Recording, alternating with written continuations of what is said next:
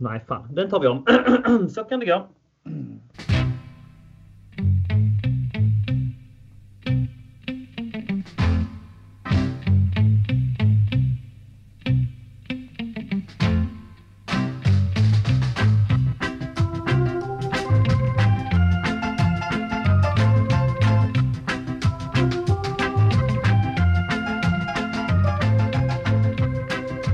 Hej blå vänner och välkomna till ett nytt avsnitt av CSS-podden. Den enda Chelsea-podden på svenska som är skapad av och som manövreras av Chelsea Supporter Sweden. Den enda svenska Chelsea-supporterföreningen. Som dessutom alltså har platinamedlemskap i Chelsea centralt. Hur ball är inte det? På ena sidan mikrofonen sitter jag, Daniel Joanno, även känd som Donny din gulblå plusgrad i den svenska Chelsea-kylan. Och på andra sidan sladden och i en annan del av Chelsea-Sverige sitter Mattias Byman och myser. Välkommen tillbaka till podden Matte. Hur är läget med dig? Jo men tack! Det känns ju fantastiskt kul att vara tillbaka. Det var ett eh, tag sedan och eh, när eh, Hopdog Donny ringer då, då är det dags att hoppa på igen. Ja precis, då får man sig en eh, verklighetens örfil och så steppar man upp till tallriken. Det gillar vi. Ehm, det förra avsnittet blev fel och har utgått så vi har ryckt ut här denna måndag. Eh, vilket är en väldigt passande dag tycker jag för att det är ändå mellan matchandet. Det är post Southampton som ska summeras och, och, analyseras. Men samtidigt är det också pre Atletico Madrid. som vi tänkte eh, blicka fram emot. Eh, så det, det ska väl bli kul att spela in idag, eller hur Matte? Taggad som fan hoppas jag. Supertaggad, framförallt på Atletico och de kommande tuffa matcherna framöver här. Mm, för visst har det varit lite smekmånad fram tills nu va? Det fick vi oss också en liten lavett och, och eh, tillbaka till reality här i, i helgens match. Jag menar, det har inte varit det allra tuffaste av motstånd som Tuchel har fått i sina inledande matcher, eller hur? Nej, man var ju lite inne på innan Frank Lampard fick gå där så eh, hade jag i alla fall förhoppningar att han skulle få stanna eh, och sen få den här sviten av lite enklare matcher som nu Thomas Tuchel har fått.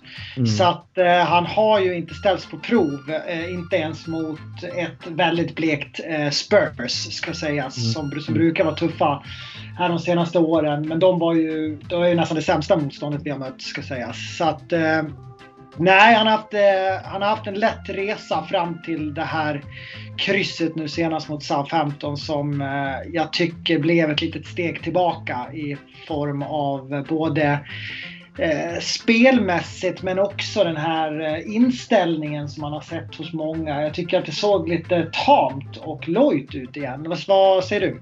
Ja, men så var det ju absolut. Alltså. Innan vi hoppar in djupare i det så tänker jag just status, spelare, puls, tempo, tempo, tempo. Vi hälsar alla hjärtligt välkomna först och främst till detta avsnitt 95 av CSS-podden.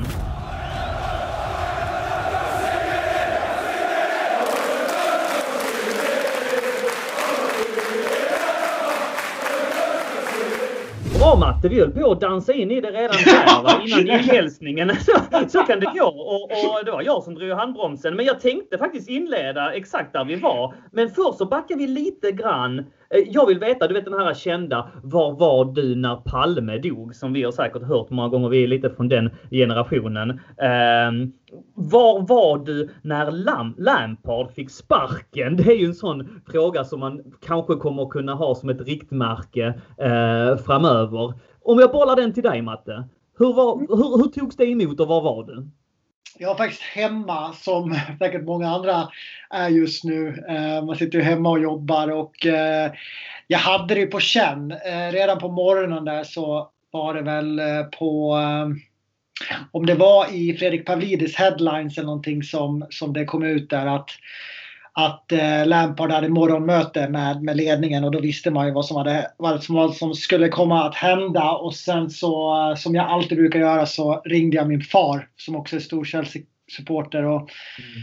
så började vi, alltså vi satt och pratade en timme om det här och, och sen kom ju det runt, runt lunch va. Så att eh, jag fick sitta hemma själv och och må dåligt. För, för det gjorde jag faktiskt. Det var, det var riktigt tungt. Det var det. Mm. Själv då? Nej, ja, nej, vi har babblat om det rätt mycket här i podden så jag tänkte inte haka upp mig mer på det. Nej. Men ja, nej, jag såg, såg det också precis här på morgonen. Jag såg ju Matt Lahr-tweeten att uh, han får sparken hade han uh, trummat ut. Och uh, då sjönk in ganska så omgående faktiskt. Um, och uh, ja, som du är inne på, inte helt uh, oförståeligt. Jag var ju också inne på det att man inte borde agerat så, men uh, nu är det som det är och jag tänker att vi behöver inte fastna där. Men om vi bollar över just de här första intrycken av Tuchel då som ändå jag har diskuterat, jag har diskuterat, vi har diskuterats här i podden, vi har snackat om det med Pavlidis och Kevin Bader. Men lite eh, intressant att höra eh, din take på det hela. Eh, som sagt, det är ju han är ju fortfarande obesegrad i alla fall. Men, eh, och vi snuddade vid det där precis inledningsvis. Just med att det kanske inte varit det där supermotståndet heller. Men vad är din eh, spontana, eh, spontana känsla kring det här nya ledarskapet?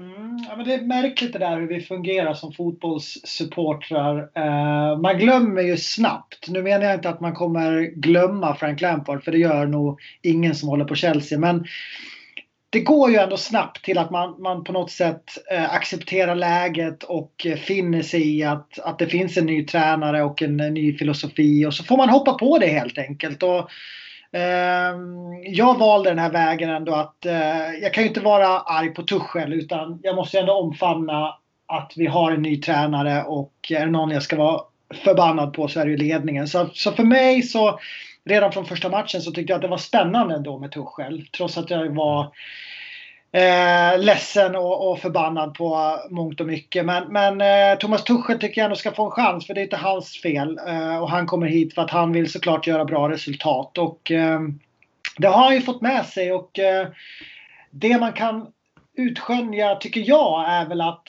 det finns lite mer linjer i spelet. Jag tyckte att ofta eh, under hösten och under vintern så tyckte jag att det såg lite idéfattigt ut när Frank Lampard ställde upp sitt eh, lag. Det var nästan hundraprocentigt på att vi skulle komma runt på kanterna, slå inlägg och sen så skulle någon eh, nicka eller skarva in den i mål. Nu tycker jag mig se eh, Mason Mount speciellt har ju utmärkt sig i den här rollen mellan mittfält och forwards där vi får in den centralt. Mm. Eh, lyckades ju fantastiskt bra mot Tottenham eh, med den eh, när vi skär in den mellan mittfältarna och försvaret mm. där. Och då, då, skapar det ju på något sätt helt andra eh, spelvägar. Då kan vi gå ut på kant men vi kan också gå centralt och då blir det ju tuffare för motståndaren. Så jag tycker den, den liksom uppspelsfasen från centralt till, till centralt och anfallare tycker jag är ny. För att vi gick väldigt mycket på kanterna med Lampard. Så det tycker jag väl är den främsta biten. Och sen då att.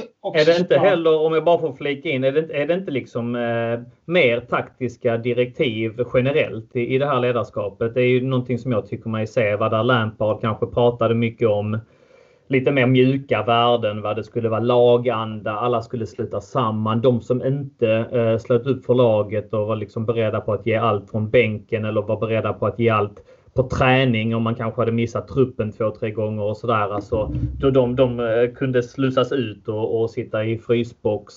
Eh, alltså som sagt som, som, som, en frukt av att man skulle sluta samman och, och eh, laget eh, eh, skulle, skulle främjas i första hand och, och som sagt en positiv laganda skulle också innebära resultat. Eh, I slutändan så är det här lite mer eh, hårda värden, alltså att det är taktiken som ska föra oss framåt och kanske inte riktigt lika mycket fokus på, på det där med, med lagande. Det är två stycken olika angreppssätt i ledarskapet. Eh, förstår du vad jag menar?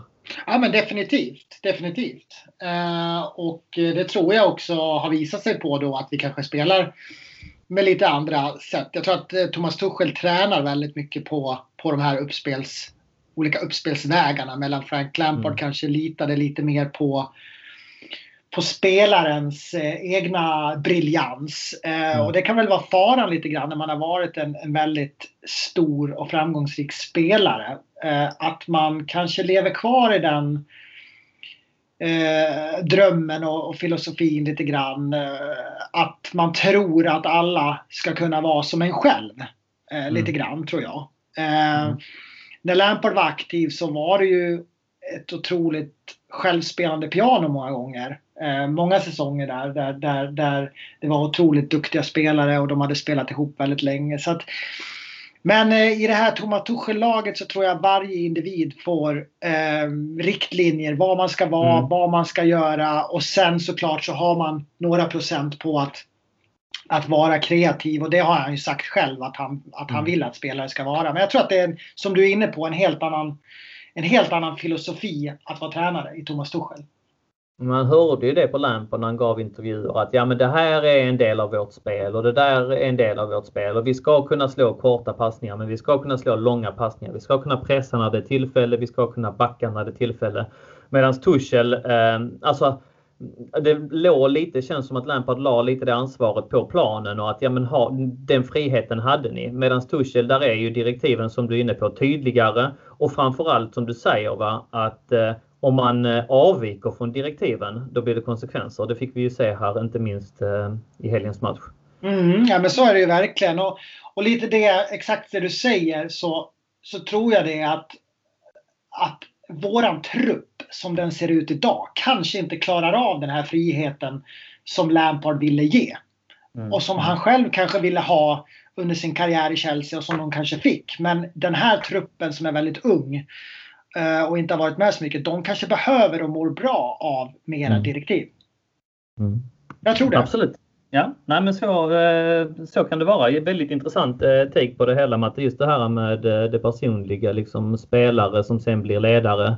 Eh, vinklingen på det har jag faktiskt inte tänkt på själv. Så att ja, den, den, den tar man med sig, kan, kan ligga i det. Va? Att det är, är olika angreppssätt, eh, angreppssätt, det kan vi i alla fall landa i. Och vad det innebär för framtiden, det återstår att se. Men härnäst så blickar vi framåt mot ett Atletico. Men innan vi eh, tar avstamp mot dem så har vi ju en match som spelades i helgen. Va? Där sex matcher eh, på rad hade man gått obesegrade coming in to Southampton. Man hade vunnit fem av de matcherna och man skulle alltså gå mot en rad där man hade vunnit sex matcher av sju möjliga med Tuchel. Men så blev det inte.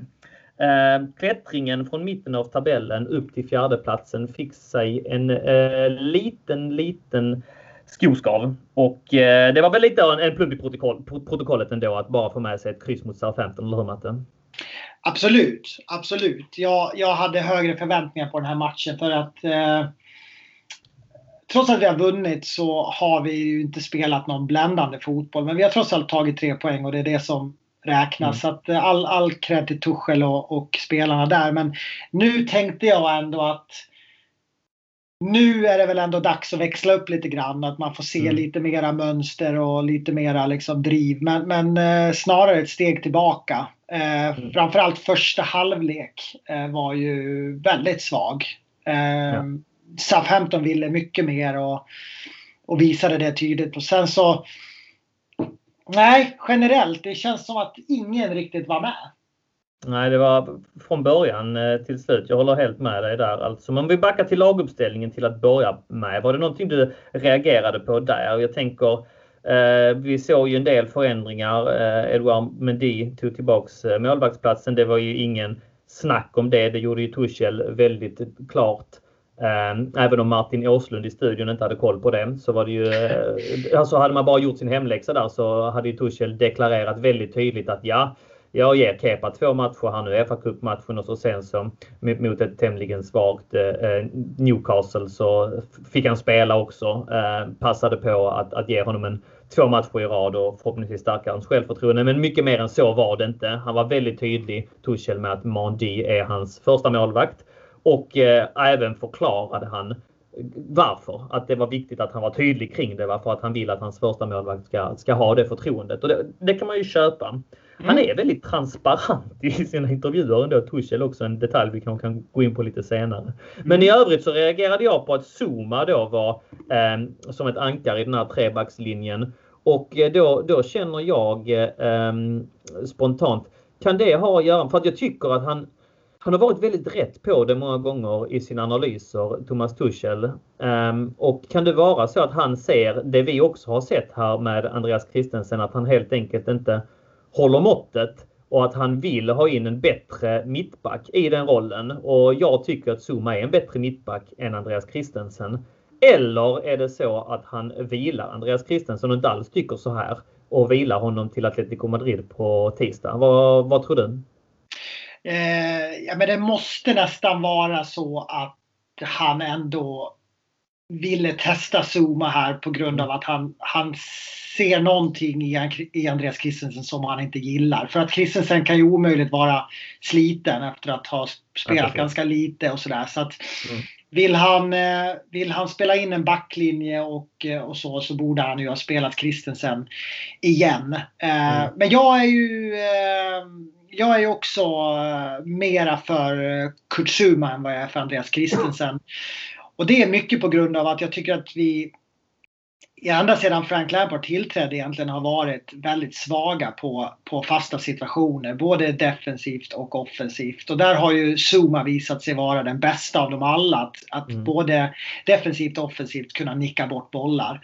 Eh, så jag tycker att det en av mittbackarna måste, nu är Rydiger ganska bra på huvudet också men, men eh, vi vet ju att eh, Christensen och Aspi är ju inte jättebra, framförallt i defensivt straffområde tycker jag. Så att eh, zooma in där med lite, lite längd och eh, lite mer muskler än vad Christensen har så, så tyckte jag att det var helt rätt val. Eh, och mm. eh, från Tuchels presskonferensen så sa han ju faktiskt att eh, de bestämde sig väldigt, väldigt sent att sätta in Zuma på plan. Mm.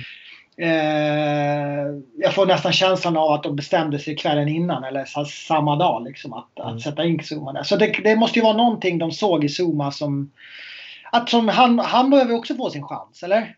Mm, mm. Jo absolut. Nej, jag tycker också det var en intressant eh, ehm, formation där längst bak. Och jag ska säga helt ärligt så på förhand så hade jag nog inga klagomål på på startuppställningen så. Jag tyckte det var ett väldigt starkt lag man, man ställde upp med Om vi blickar lite längre fram så såg vi ju att eh, Kanté tog plats på innermittfältet istället för eh, um, Jorginho och bildade då mittbacks, alltså double six som man kallade Tuchel tillsammans med Matteo Kovacic. Och det funkade ju ganska bra också. Kanté var ju en av eh, matchens eh, bästa spelare, eller hur? Mm. Eh, tillbaks i eh hyfsat fin form. Vi vet att han mm. kan bättre men, men mm. man såg i alla fall, eh, jag tycker han har varit ganska blek här sen han... Jo, så är det ju. Eh, så är det och det, det behöver vi inte gå in på utan det, det, vet ju alla. Men, men jag tyckte att man såg någonting i Kanté att han, han är på väg uppåt. Och man, mm. man har ju hört på presskonferenser också där Thomas Tuchel lovordar honom enormt och att han mm. alltid har drömt om en spelare som N'Golo Kanté. Så förhoppningsvis så får vi igång honom igen. För att uh, han är ju, när han är som bäst så, så är han ju fantastisk. Samtidigt lite problematiskt, eller hur? För att uh... Kovacic och Jorginho har ju spelat väldigt bra eh, nu här under tuschen men de har ju faktiskt också spelat väldigt bra tidigare även när de har fått chansen under Lampard men perioder när de eh, spelade under Sarri också. Eh, när de hittar den här rytmiken och dynamiken mellan varandra så det är ett rätt eh, det är ett rätt bra radarpar att ha där som double sixorna. Ehm, håller du med om det? Absolut. Jag tycker att det kan vara bra att eh, ha alternativen. Jag tycker att mm. eh, till exempel nu mot Atletico Madrid, då tror jag att en eh, N'Golo Kanté kommer bli jätteviktig. Mm. Medan borta mot Southampton när vi ska luckra upp ett lite sämre Premier League-lag, då tror jag att det är bättre att ställa Jorginho och Kovacic på planen. Eh, mm. så det där tror jag att eh, tror att det är bra för Tuchel att ha liksom alternativen. Eh, för att det är som du säger, när Jorginho spelar så blir vi ju lite mera spelskickliga. Mm. Eh, och när Kanté spelar så känns det väl lite mer att han täcker ju mera ytor än Jorginho och, mm. eh, och sådär. Så att, eh, det, det, kan väl vara positivt att ha de tre igång nu. Ja så är det ju. Samtidigt i allt detta så måste man ju också, alltså man kan jag gillar, jag gillar inte riktigt argumenten att man, alltså no, man har ju ett ansvar som tränare att hitta eh, det bästa för laget utifrån de kvaliteter man har i spelartruppen och att eh, ställa Kanté utanför startelvan är ju inte hållbart i längden heller. Han är ju en av våra absolut bästa spelare, om inte vår bästa spelare. Världsmästare, en av, sina, en av de bästa spelarna i den positionen. Så man måste ju få det att funka på något sätt också. Det ansvaret har man ju som, som tränare. Håller du med om det? Ja absolut, absolut. Sen utvecklas ju lag och, och, fotboll utvecklas och så vidare och vi vet ju att de få brister Kanté har det är ju i passningsspelet. Ja.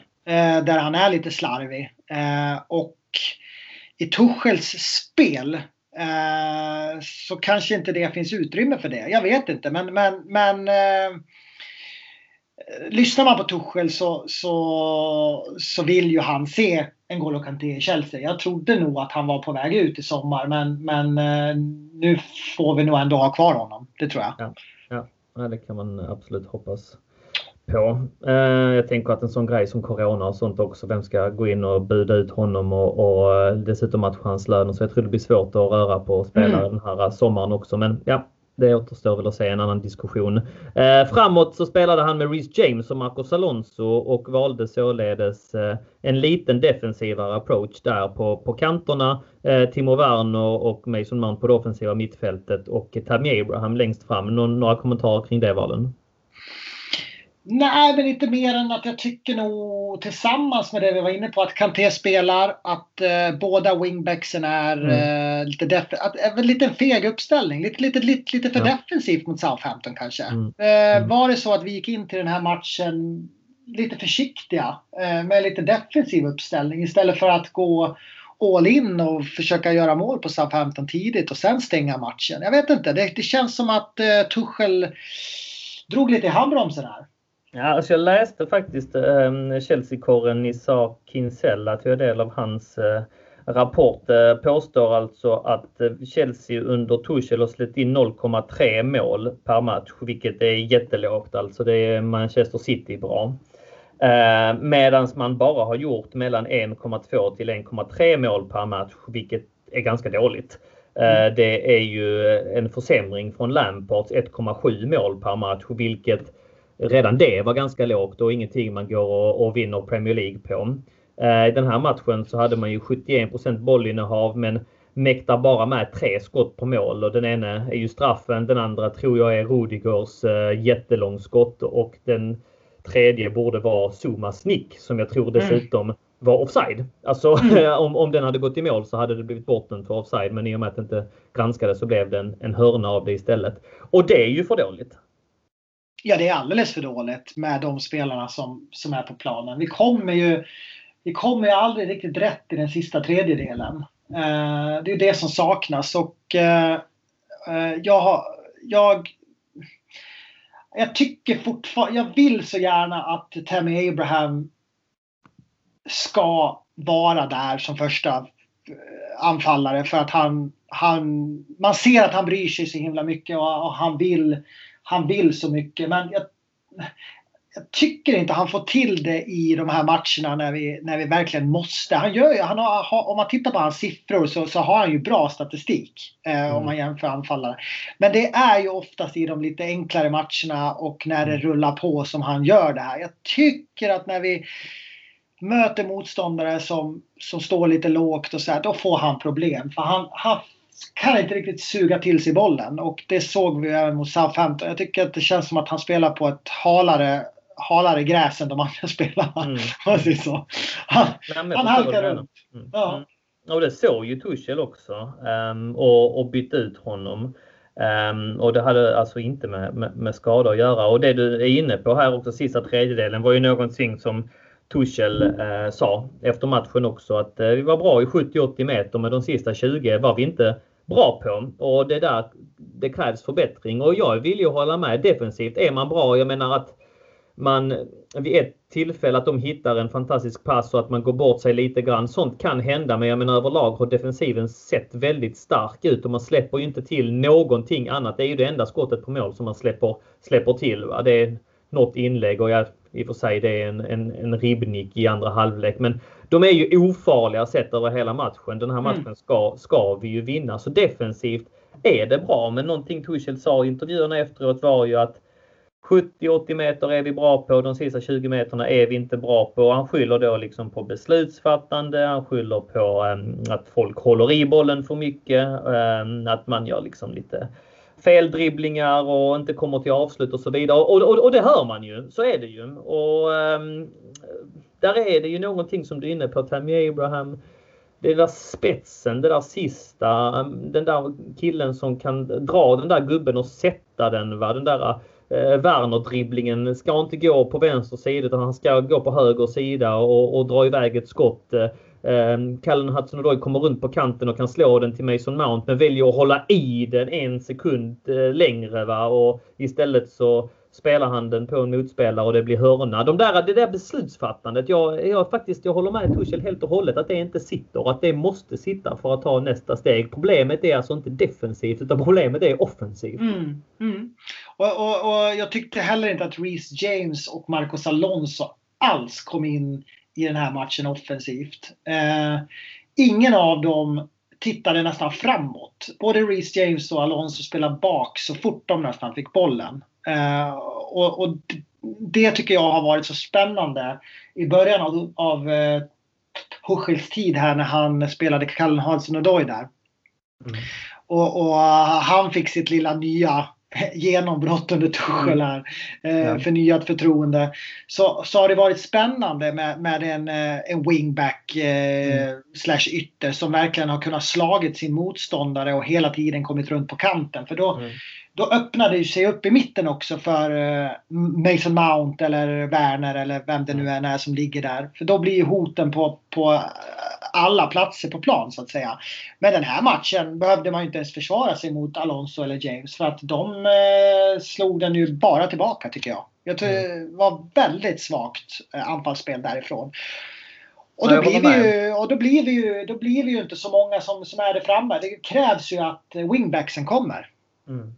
Men det, det, det, kan ju också vara ett självförtroende-issue, eller hur? Alltså att man håller in. Därför att jag menar, Werner sprang rätt mycket. Man fick inte bollarna. Det tog de upp i Match of the Day också som jag såg igår. Mm. Att, alltså, de är på språng men istället så håller man i bollen. Man vågar inte riktigt slå den. Och ja, man kanske inte heller har den där äh, exakta kompetensen. Jag menar både Reece James och Marcos Alonso de har inte de känsligaste eh, fötterna eh, som kan sätta de där passningarna. Man måste åtminstone försöka och det, och det kan ha med, med självförtroende att göra i synnerhet i Reece eh, James fall där han kanske har, har fallit eh, bakom lite grann i hierarkin och inte fått samma förtroende. Öppnade säsongen väldigt starkt men i samband med att hela laget eh, gick in i formsvacka så var ju han en av de som fick rätt mycket kritik också. Eh, mm. gjorde lite misstag, eh, gav bort en straff mot Arsenal, hamnade utanför truppen och så vidare. Så att, eh, nej men jag håller med. De här, de här grejerna eh, måste ju sitta. Va? I, i, I samma andetag så säger ju, ser ju Tuchel detta i halvlek och eh, försöker förändra. Han eh, byter ut eh, Tammy Abraham och bara ett sidospår där. Va? Där kunde han ju ha skyllt på skada. Men återigen att han, att han är så transparent som han är i intervjuer. Jag vet inte vad jag tycker om det alltså, men jag kan bara konstatera att det är så.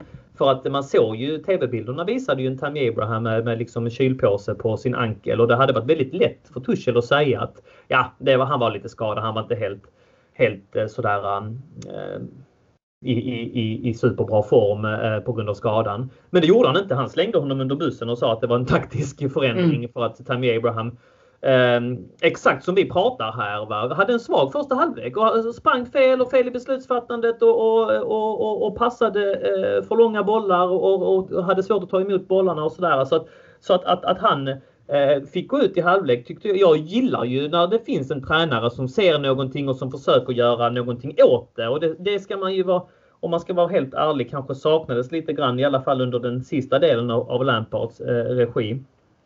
Men någonting som han då, eh, som uppmärksammades väldigt mycket i pressen eh, är ju det här bytet av eh, inbytet av Callum Hudson-Odoi. För det man gör då det är ju att man tar in Callum Hudson-Odoi, sen sätter man in Ehm, Mason Mount lite mer centralt men kör lite mer med tre stycken eh, offensiva då va? Och, och, och Mount då liksom i någon, någon 10 9 roll. Um, och uh, lyckas väl inte riktigt få den utdelningen som man vill ha. Och då byter alltså Tuchel ut Callum hudson igen, vilket som sagt har skapat eko i fotbolls-Europa. Och när en sån grej händer så försöker jag se lite grann vad, vad vad är det för puls på, på detta? Hur har detta beslutet tagits emot kanske framförallt i England? Och det man kan utläsa är att det har blivit ganska så kritiserat det här beslutet. Eh, så blir det ju när man kanske inte får resultatet med sig.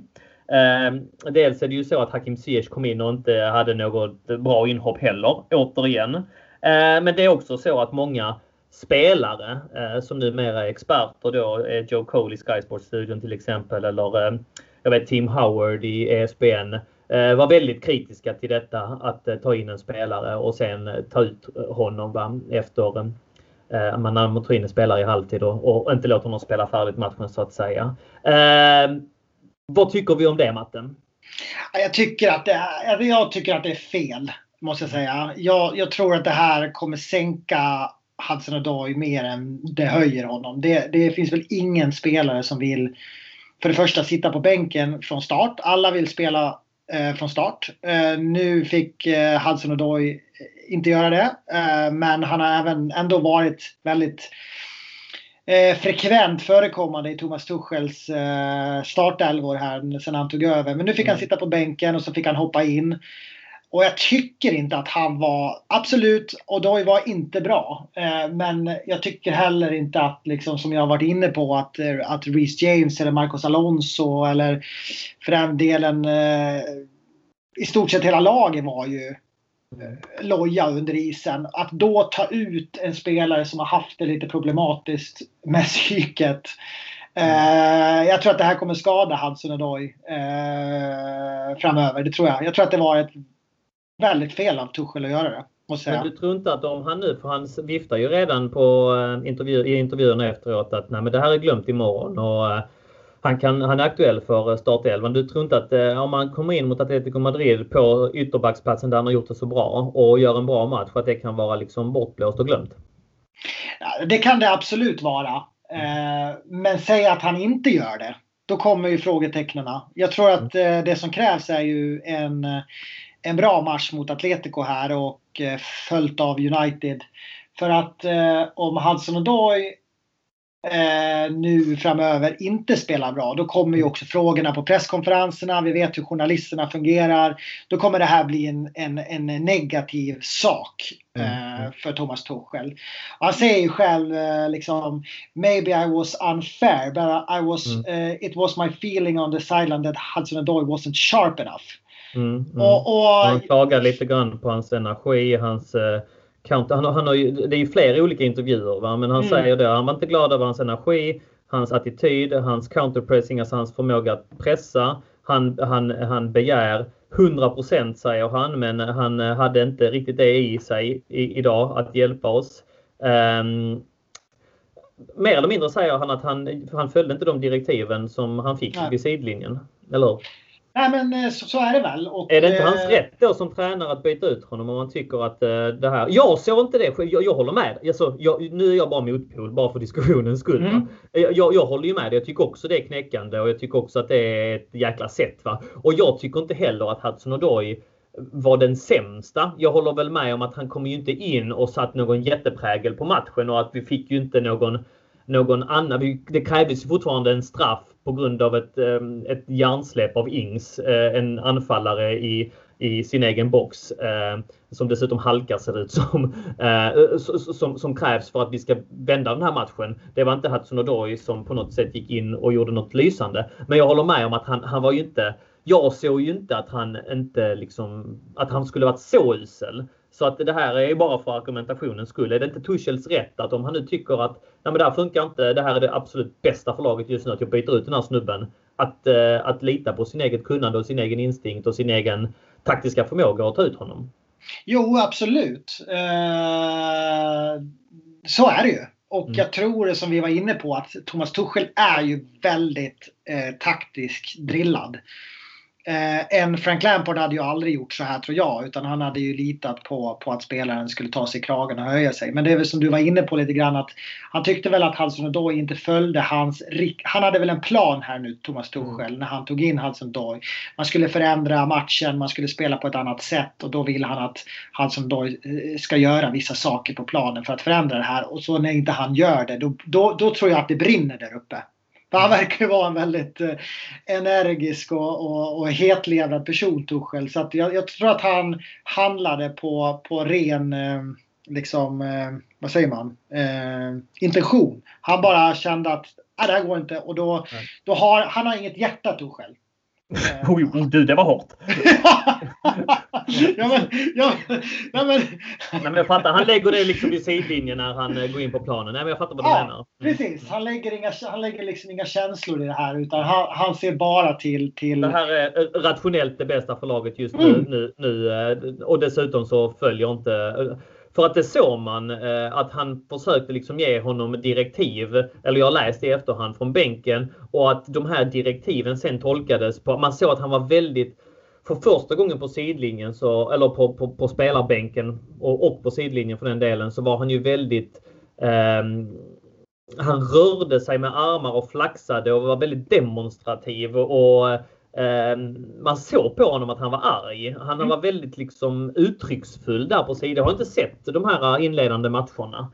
Så att, att han inte var glad, det, det står ju fast. Va? Och samtidigt kan det inte vara ett sätt också att eh, även om han gör detta för att det är bäst i laget att han väver in i samma veva att eh, jag gör ett här, en sån här grej tidigt in på min träna, tränarsession. Dels eh, också för att sända ut ett budskap. Att eh, ja, gör vad jag säger för att annars jag har den här, det här verktyget i min verktygslåda också.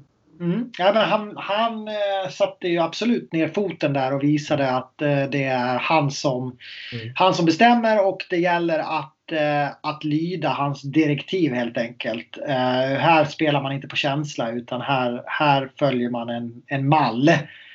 Eh, och när man har följt mallen så kan man sväva ut men, men det är mallen som först och främst gäller. Och, men, men jag gillar också Tuchel att han säger liksom efteråt eh, att eh, nu är det över och jag litar fullt ut på Callum Hudson-Odoi. Så att han, han är ändå skön på det sättet att han, han stryker ju ändå över det sen. Att eh, han ger ju ändå förtroende och jag tror att det, det har ju känts som att de här två tycker om varandra väldigt mycket.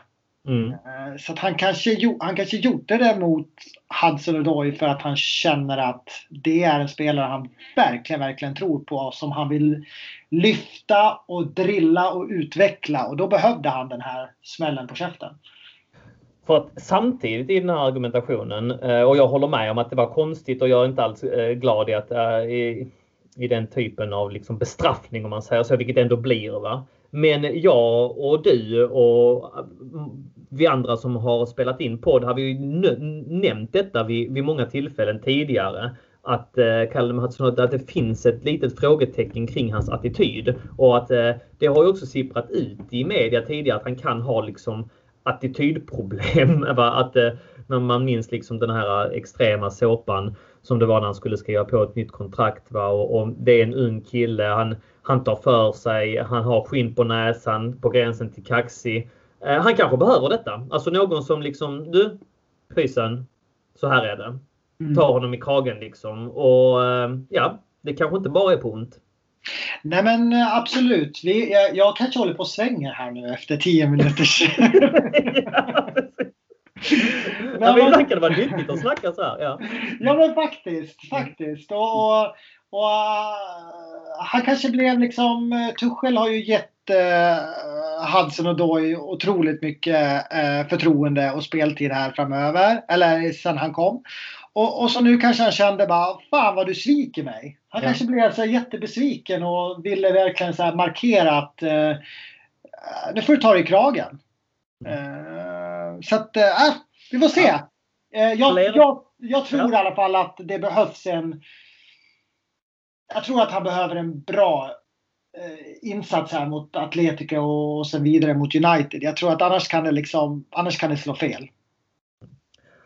Och innan vi eh, går över på den sidan så tänker jag att vi ändå i detta, eh, alltså att vi pratar länge om Kalle Mattsson och Doy, det är ju väldigt logiskt för det här var ju en stor grej i media och det har eh, diskuterats, det har varit svallvågor kring detta. Så att, men jag tänker att vi lämnar det där hen. Eh, intressant och flerbottnat minst sagt. Eh, men innan vi går vidare så vill jag stå kvar med ena benet i den här Southampton-matchen. Mason Mount, Matte. Återigen eh, matchens lirare. Återigen det lilla som faktiskt skapas framåt. Det är ju han som står bakom i princip varenda chans vi får va? I, i termer om att det är han som orsakar straffen. Det är han som har skott. Det är han som lägger eh, tredjepassarna, andra passarna. Det är han som blev fälld till, till eh, frisparken som Alonso borde satt. Jag tänkte nu sätter han en frispark här men som han drog i muren istället. Eh, vilken kille, eller hur? Alltså alla Mount-hatare måste ju ha tystats nu den här sista månaden. Och jag vet ju om att du är en som har twittrat och, och också hyllat denna unga grabb. Ja, men jag, jag försöker oftast vara positiv eh, när jag twittrar och jag försöker oftast vara lite för hyllande ibland. Men det mm. tycker mm. jag att eh, fotbollsvärlden kan behöva i all negativitet. Mm. Eh, men nej, men fantastisk han har varit Mount och, och eh, kul också när han i första matchen med Tuchel fick sitta bänk och alla motståndare, fans och alla liksom kritiker var ah, nu är det slut på Mount. Nu, nu mm. får han följa med Frank mm. Lampard till eh, någon eh, Championship-klubb här. Och, ja. Bla bla bla. Men, men vi, som, vi som ser Chelsea vecka ut och vecka in, vi vet ju vilken otroligt eh, bra fotbollsspelare Mason Mount är.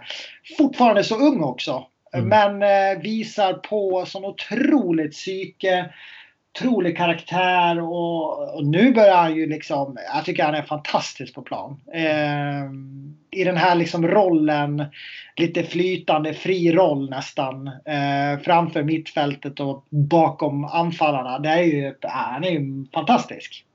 Jag tycker han är bra i alla roller. Var han än får spela. Sitter han lite djupare så är han bra där. Är han på kanten så är han bra där. Eh, mm.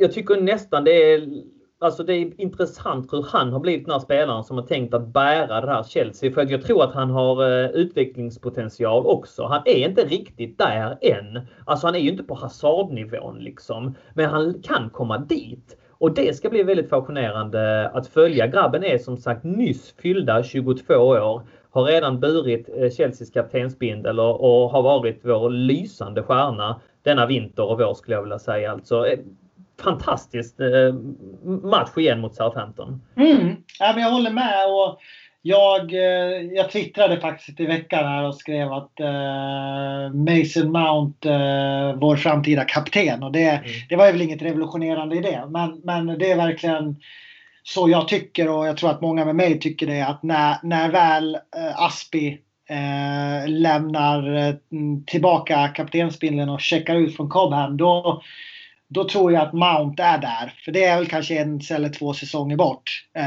Um, och uh, den här liksom den här klubbkänslan som han har och det här drivet att han när de andra står och tittar och ser loja ut och ser man att Mount borrar ner huvudet och pressar från höger till vänster och han springer och han bryr sig och det är sånt man älskar också. Vid sidan av att han som du säger har otroliga kvaliteter också som fotbollsspelare. Och, och ja, han är långt ifrån klar för att jag tycker att det, det saknas väldigt mycket i den i det absolut sista skedet. Han kommer ju till väldigt mycket skott, han kommer till väldigt mycket liksom avgörande lägen. Det som saknas är ju att han gör mera mål och assist.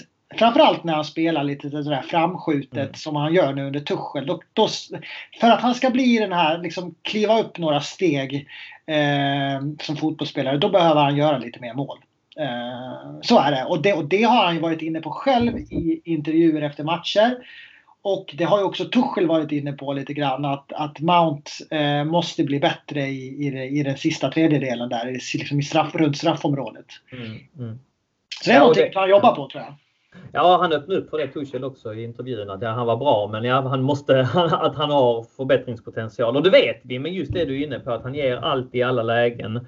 Ja, det, det är en jäkla bra. Jag, och jag har också jag har lättare att ta till mig den här typen av, av fotbollsspelare. Jag tycker det är häftigt när man har sett klipp med honom och läst intervjuer att han på ett väldigt tidigt stadie offrade väldigt mycket. Han, mm. han har gjort många uppoffringar för att nå hit. Det här är ingen chansning. Det här är en kille som eh, som sagt redan liksom på högstadiet sa att nej men jag kan inte gå på fester för att jag måste träna eh, imorgon. Eh, hur, hur dedikerad, hur, hur, han har satt upp det målet att han ska ta en plats i Chelseas A-lag. Att han ska bli den här killen från akademin som tar det där steget. Och om man jämför med andra fotbollsspelare som eh, jag lyssnar på Albin Ekdals sommarprat där han eh, på ett tidigt stadie eh, kom på att jag kan ha både. Jag kan, jag kan både festa och komma väldigt långt inom fotbollen. Mm. Och att han då kom bakfull till sin första provträning i Italien. Eh, och, och alltså, det kan man ju också fascineras av. Men på något sätt så tycker jag att det är jäkligt coolt när en spelare, alltså, och det kan jag tänka mig med Albin Ekdal, undrar hur långt han hade gått om han hade eh, satt detta åt sidan. Va? Alltså, det får man ju aldrig veta men, men, men det, det kan vara väldigt intressant att, att fundera kring. Och i Mason Mounts fall där han liksom har varit så dedikerad och, och eh, bara satsat på sin fotboll. Jag har lättare att ta till mig den typen av, av spelare också verkligen har offrat så mycket och som har kämpat och har haft den här målsättningen framför sig. Så att jag är ju eh, superglad över eh, denna unga eh, Chelsea-produkt och tycker att han har varit vår bästa spelare den här säsongen. Och, ja, det ska bli jäkligt spännande att se hela hans karriär. Måtte han bara stanna i Chelsea hela tiden.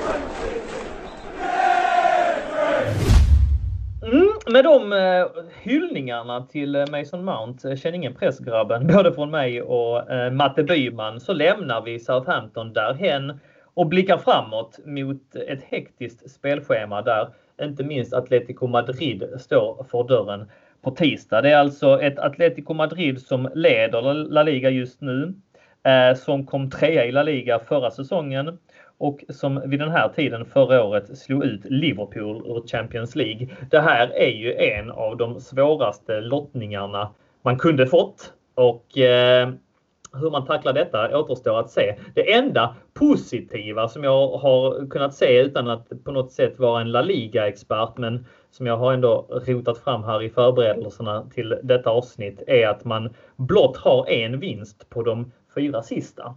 Mm, vilket jäkla skitlag, eller hur Matte Byman? Nej, det är det ju inte. Mm. Det här är ju, det här blir tufft, eller hur? Det blir det. Um, jag har bett dig att ta lite pulsen på Atletico Madrid. Vad, uh, ja, med det lämnar jag över ordet till dig helt enkelt. Ja, men det har jag gjort eh, tillsammans med eh, en god vän Adam Pintorp som är eh, La Liga-kommentator på Simor. Vi satt här i förmiddags och snackade lite Chelsea Atletico och det var väldigt spännande och så för en som kanske inte följer La Liga så mycket utan man kanske ser Atletico någon gång då och då i Champions League-fotbollen där på tisdagar och onsdagar. Men det här är alltså ett, ett Atletico Madrid som har eh, Diego Simeone som tränare och har varit där i, i, snart tio år. Alltså. Han börjar ju bli någon, någon typ av Sir Alex Ferguson-figur där i Madrid. Och eh, vi kan väl alla Atleticos eh, historia lite grann. Otroligt svårforcerade, otroligt energiska och eh, spela fotboll med eh, hjärtat. Precis som sin tränare Diego Simeone gjorde. Det som är lite kul inför den här säsongen det är att man har gått ifrån sitt 4-4-2 där man egentligen har spelat med fyra defensivt eller liksom centrala mittfältare och stängt igen och sen litat på att de här två eller tre offensiva spelarna ska göra det. Till att i år spela 3-5-2 och ett mer offensivt spel.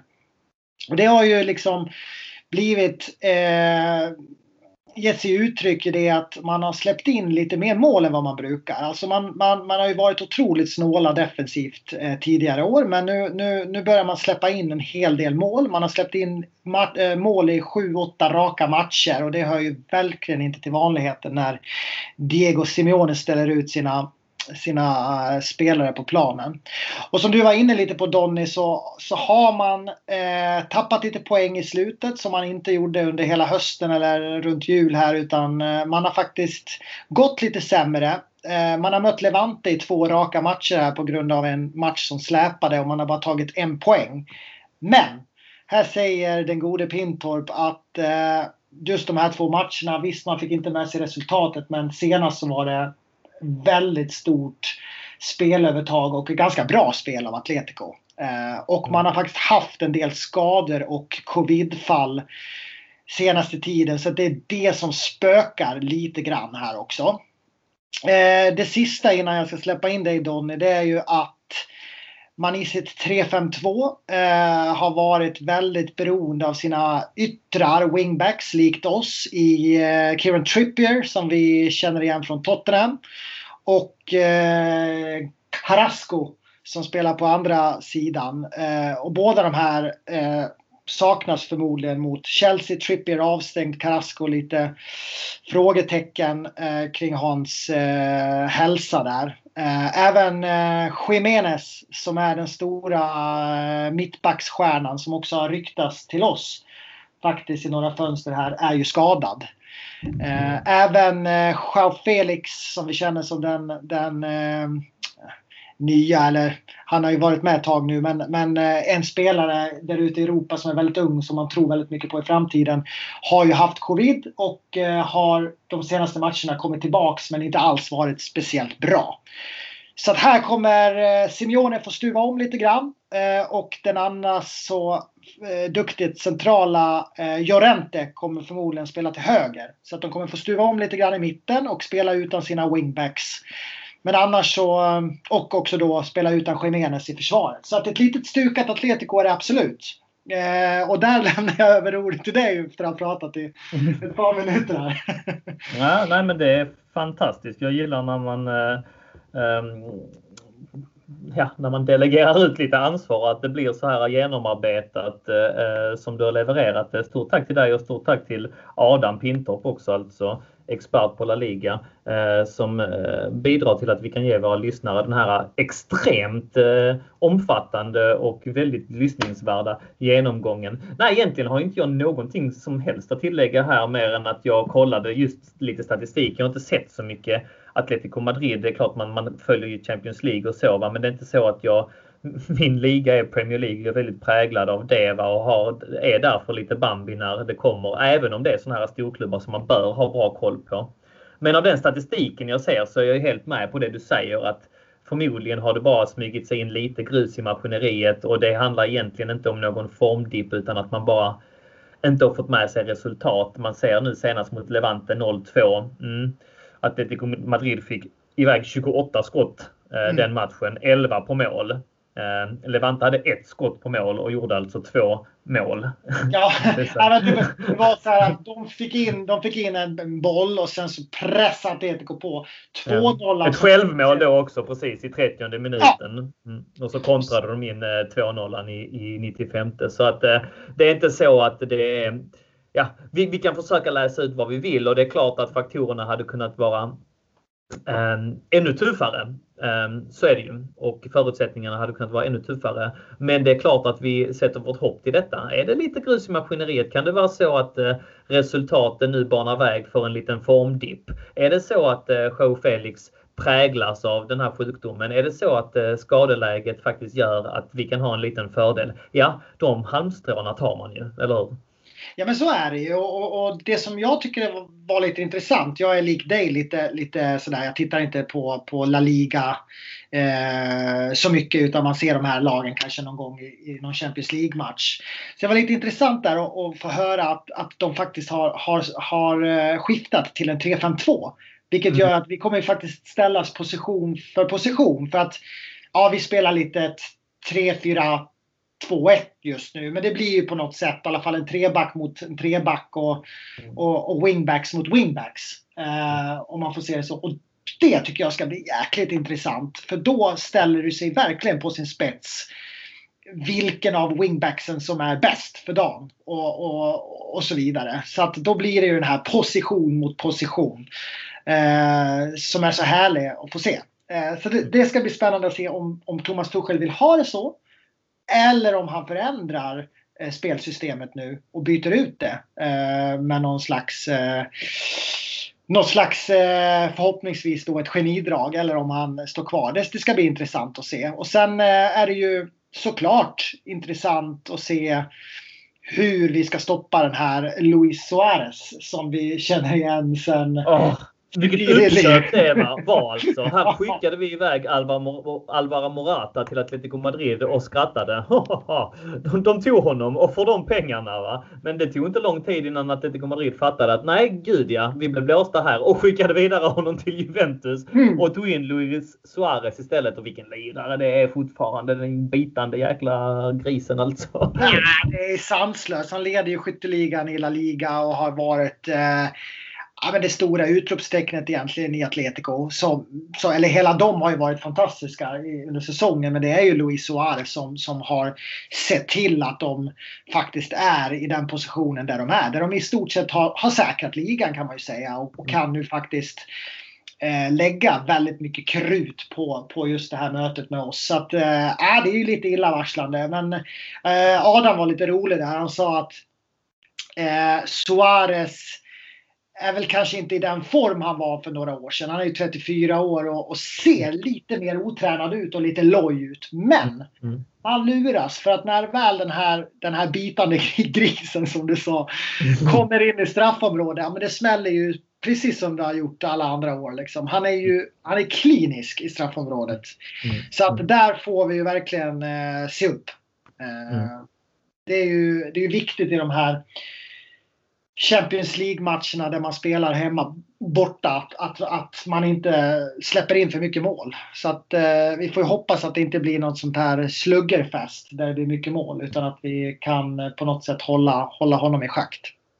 16 eh, mål på 20 matcher alltså i La Liga för mm. Suarez eh, denna säsong. Eh, ja, om man pratar om att, eh, om, om, att han kanske inte är riktigt lika vass nu som 34-åring så ja, statistiken talar för att han fortfarande är ganska vass alltså. Jäklar mm. i den. Säkrat La Liga vet jag dock inte om de har gjort eh, än Matte, bara en liten parentes. Nej. Leder just nu med tre poäng före Real Madrid. Förvisso med en match mindre spelade men det ser ju bättre ut för dem än eh, på väldigt länge. Och eh, du nosar på det där också. Eh, att det här är ett bra lag, det är det ingenting eh, som eh, står i vägen för den, för den tankegången. Men hur tror du att Tuchel ställer upp för att matcha detta? Eh, du, den, I din argumentation verkar du redan som att du har utgått från att ja, man kommer inte göra några taktiska förändringar i spelsystemet i alla fall utan det, vi kommer se den här eh, 3-4-3 uppställningen eller vad man nu vill kalla det. Eh, trebackslinje, fembackslinje varianten som han har kört på sen han kom in. Ja, alltså jag, det skulle förvåna mig om han, eh, om han ändrade. Nu har ju Tuchel en historia av att ändra lite spelsystem, absolut. Men jag tror nog i den här fasen i hans liksom Chelsea, i, i, sin, i sin tid som Chelsea-tränare. Vad är det, åttonde matchen? Nionde matchen med eh, FA Cup inräknat och lite sådär. Så, så äh, tror jag inte att han än vågar laborera utan jag tror att han går på det här eh, sättet vi har spelat sen han kom. Och eh, också med liksom kanske lite, lite råg i ryggen då när de saknar sina ordinarie wingbacks och saknar sin eh, ledare där bak i trebackslinjen. Så, så kanske vi kan sätta lite press på dem. Och nu är det ju inga dåliga spelare som, som eh, kommer ersätta de här ordinarie. Men det är såklart, det händer ju någonting när man roterar ett välfungerande maskineri. Så att mm är det där vi kanske har då, då chansen att eh, komma runt på eh, kanterna. Och då är frågan om, om han väljer att gå på de lite mer offensiva spelarna så att då kanske Hudson Odoi får spela igen från start. Eller om han väljer att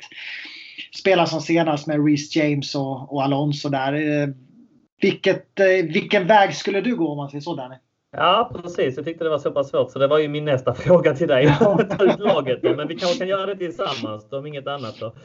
Um, nej det är intressant. Jag, jag, tror, jag vet inte, lite, min, min känsla är, även om, om jag kanske säger emot mig själv, men min känsla är nog ändå att Callum Hudson-Odoi startar. Mm. Uh, min känsla är också att uh, Även om han gjorde uttryck att eh, han tyckte att eh, defensiven var väldigt bra. Och jag måste säga, jag tyckte Zuma var skitbra mot Southampton. Han går bort sig lite grann. Aspilicueta tror jag går bort sig lite grann också. Och i Match of the Day belyser de det här faktumet att de tycker att Reece James borde ha tagit eh, liksom ansvaret som winger bättre och, och eh, tagit flera steg in för att backa upp Aspilicueta så att Aspilicueta sen skulle känna sig trygg för att täppa till ytan. Det var mm. lite Eh, kanske svårt att, att, föreställa sig den argumentationen men när man hade de, eh, de, rörliga bilderna framför sig så såg man det ganska tydligt och jag pratar alltså om, om Southamptons lednings eller Southamptons mål då när, när de kommer igenom väldigt lätt. Men om man bortser från den fadäsen så, så Zuma som vi pratade om tidigare nickar bort allt. Han är så stark och han är så nyttig. Eh, han, han missar inte en duell, han missar inte en, en, en nickduell och jag vill att man ska ha honom i laget i någon aspekt. Däremot så säger känslan att han kommer gå tillbaka till Christensen faktiskt. Så att jag tror att vi kommer få se en trebackslinje med, men det är längst bak såklart. Men eh, Christensen, eh, eh Rudiger och eh, Aspilicueta. Om det inte är så faktiskt, eh, vilket eh, enligt de senaste rapporterna kan göra gällande att Thiago Silva faktiskt är rehabiliterad. För i så fall så går ju han in längst bak och, och så borde det vara i så fall. Så är det ju. Jag håller helt med där. Jag skulle det skulle bli lite besviken om inte Zuma står där igen. Alltså Tuchel lovordar ju honom väldigt mycket efter matchen. Tyckte liksom att han var närvarande och 100% i sina aktioner och han, eh, han fullföljde sin roll. Återigen mm. roller och instruktioner at the top level. Mm. Very, mm. very good performance sa han. Liksom. Så att han var ju, han hyllade faktiskt Zuma efteråt. Och så jag, jag, jag, hoppas att han får förtroende igen. Mycket också, inte bara på grund av att han, att han är så stark defensivt. Jag tycker också att han är ett fantastiskt hot på våra offensiva hörnor och frisparkar. Där han är ju bäst i luften och, och där mm. vet vi ju att de här spanjorerna eh, är ju inte lika liksom, välväxta som Zuma. Så att, mm. eh, här, här tror jag att eh, vi har ett vapen offensivt mm. också. Ja, ja men absolut. Men om vi blickar lite längre fram då. Vi har satt, mm. eh, gått igenom backlinjen i alla fall. Eh, Alonso och Reece James startade ju som sagt mot Southampton. Jag ser gärna att Callum Hudson-Odoi går in på Reece James plats där. Eh, vad, vad, tror du om Alonso? Jag tror Alonso spelar faktiskt. Mm. Eh, trots, Han känns lite som en favorit, eller hur? Ja, eh, jag tror att eh, det har blivit en favorit hos Tuchel just på grund av hans, eh, hans längd också. Thomas Tuchel mm. sa ju det, var det mm. innan, mm. vilken var match han belyste hans längd? Det var mot eh, mm. Och efter någon av matcherna i alla fall. Andra, ja, det var någon match där. Mm. Eh, men också att han, han är ju van att spela där eh, efter sin tid eh, under Antonio Conte och gjorde det väldigt bra. Så att han, han är ju ett säkert kort. Även om jag tycker att han var jättebra i första matchen där. Med Tuchel och kanske andra. Men sen tycker jag att det har dippat lite grann. Så att jag skulle ja. faktiskt önska eh, att Chilwell fick lite mer chanser. För vi vet ju att Chilwell var ju jättebra i början av den här säsongen. Sen dippade ju han. Jag tror att Chilwell är ju en bättre fotbollsspelare i grunden än vad Marcos Alonso är. Sen så just i denna rollen, där är Marcos Alonso väldigt bra för att vara Marcos Alonso. Men mm. det måste ju gå att Chilwell ska kunna lära sig vad Tuchel vill få ut i den rollen också för att så pass fotbollssmart och så pass duktig fotbollsspelare är han. Mm. Ehm, men just i den här winback-rollen kan man inte ta ifrån att när du ska springa upp och ner i den korridoren, när det krävs av dig som sagt att du är stark på huvudet, när det krävs av dig att du kämpar och att du är med upp och att du är med ner och att du slår lite inlägg här och där och att du är med bak och bryter i momentet efteråt. Va? Då är, jag får ge det till Alonso alltså. Jag, jag trodde nästan han var slut där ett tag men han har gjort det rätt bra sen han kom tillbaks ändå. Ja, jätteduktig Alonso. Och han, han gör ju den där rollen jättebra. Men som du säger i grunden tror, tror jag att Chilwell också är, eller jag vet att han är en bättre fotbollsspelare. Mm. Så att eh, man bara hoppas att Chilwell nu knyter näven och liksom verkligen eh, ger Tuchel lite huvudvärk. Men jag tror inte att eh, Chilwell spelar den här matchen utan han kommer nog eh, få lite chanser framöver här när vi matchas hårt. Så att jag tror att det blir Alonso och jag tror också att Hudson-Odoi faktiskt startar till höger. Trots mm. den här hårda petningen sist och det behöver han nog för sitt självförtroende. Mm. Sen tror jag att det blir Kovacic och eh, N'Golo Kanté. Mm. Som senast på innermitten.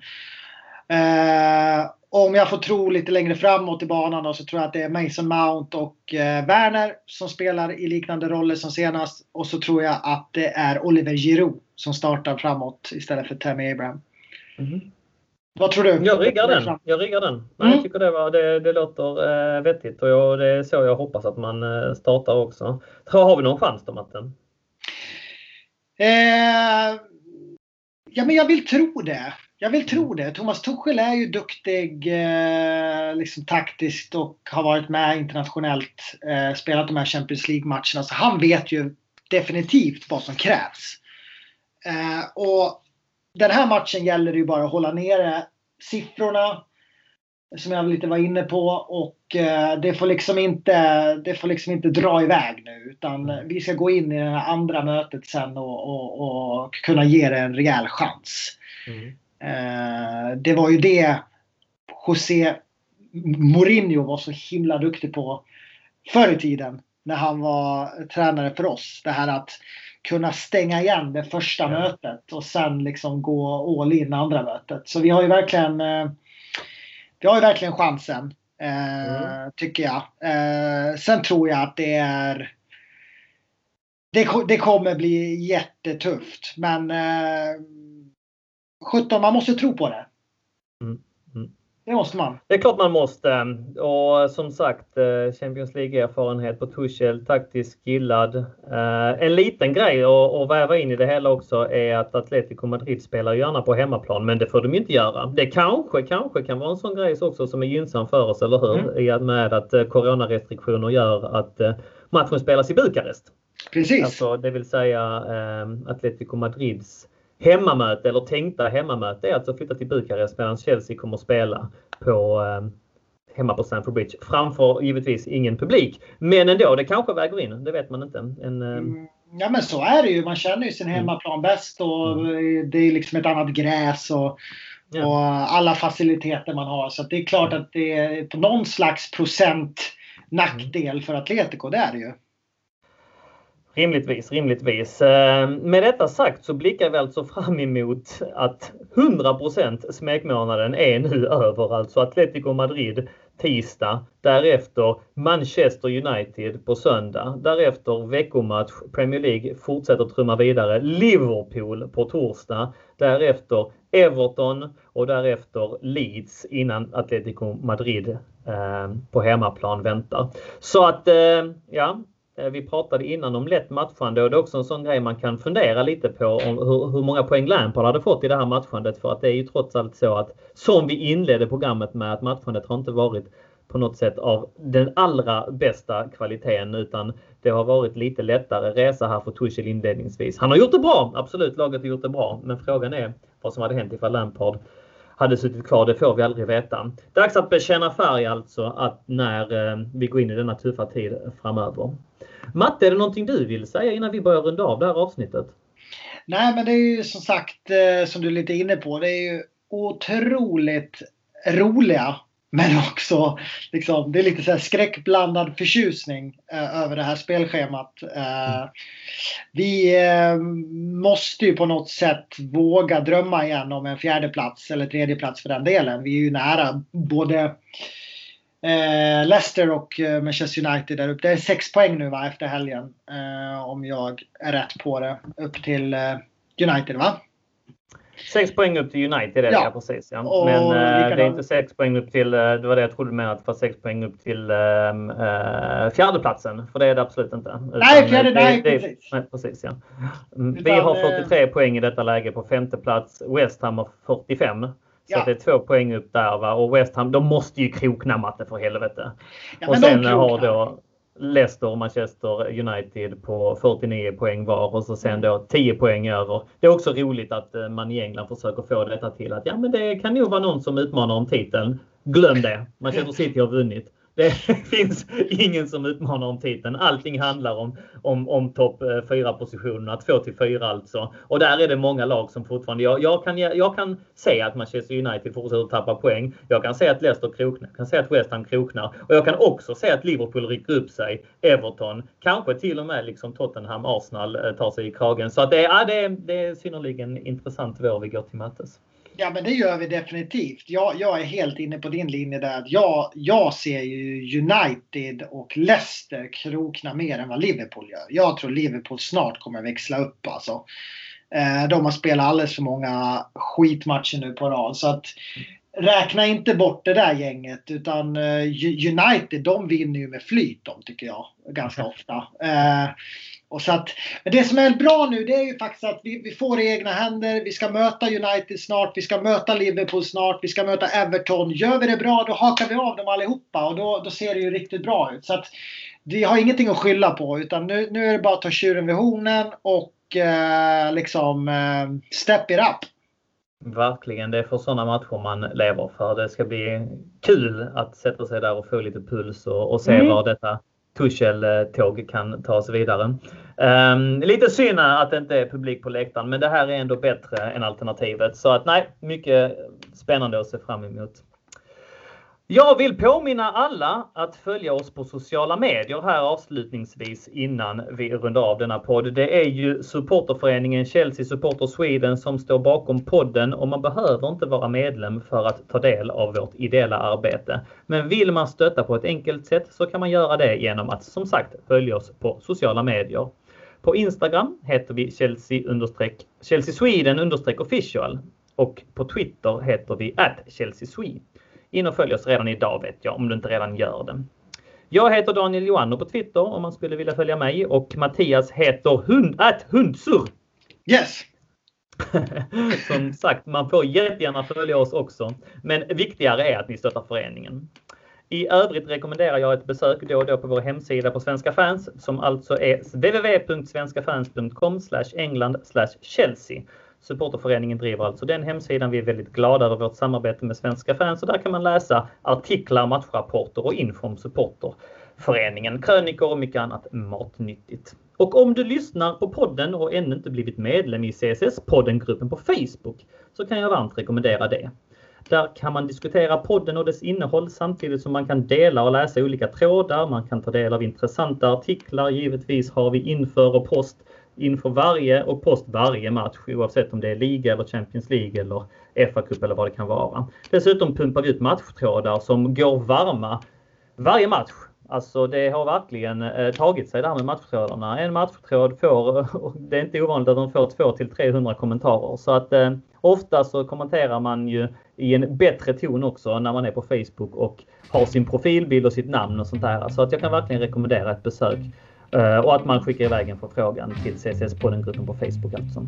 Jag och Matte eller någon annan av våra poddar är tillbaka och för CSS-podden vidare inom kort. Framtiden är lite oviss för podden nu faktiskt och Ville och Kevin valt att hoppa av.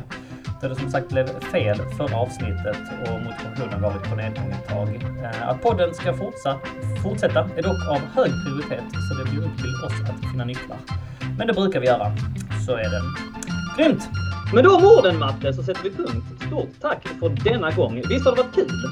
Det har varit en eh, jätterolig eh, en och en halv timme här och jag tycker att eh, när jag gick in till det här avsnittet så hade jag lite andra tankar men nu har jag fasiken vänt i att jag tycker att det var bra att Tuchel tog ut Hudson Odoi och jävlar vad bra han kommer vara mot Atletico Madrid i sin roll på höger wingback där. Ja visst är det så. Fan vad kul det är så att man kan bara snacka så här. För att jag märkte också att jag styrkte lite grann i den tesen när jag gick in i diskussionen. var ju helt med på det. Va? Men att man ändå fångas upp i ett samtal på det sättet. Ja. Mycket matnyttigt som sagt från CSS-podden. Med de orden tackar vi så mycket eh, för den här gången. Tack för att ni har lyssnat, tack för att ni har varit med och fortsätt engagera er, fortsätt älska varandra där ute i Chelsea-Sverige så hörs vi snart igen. Carefree och up the Chels!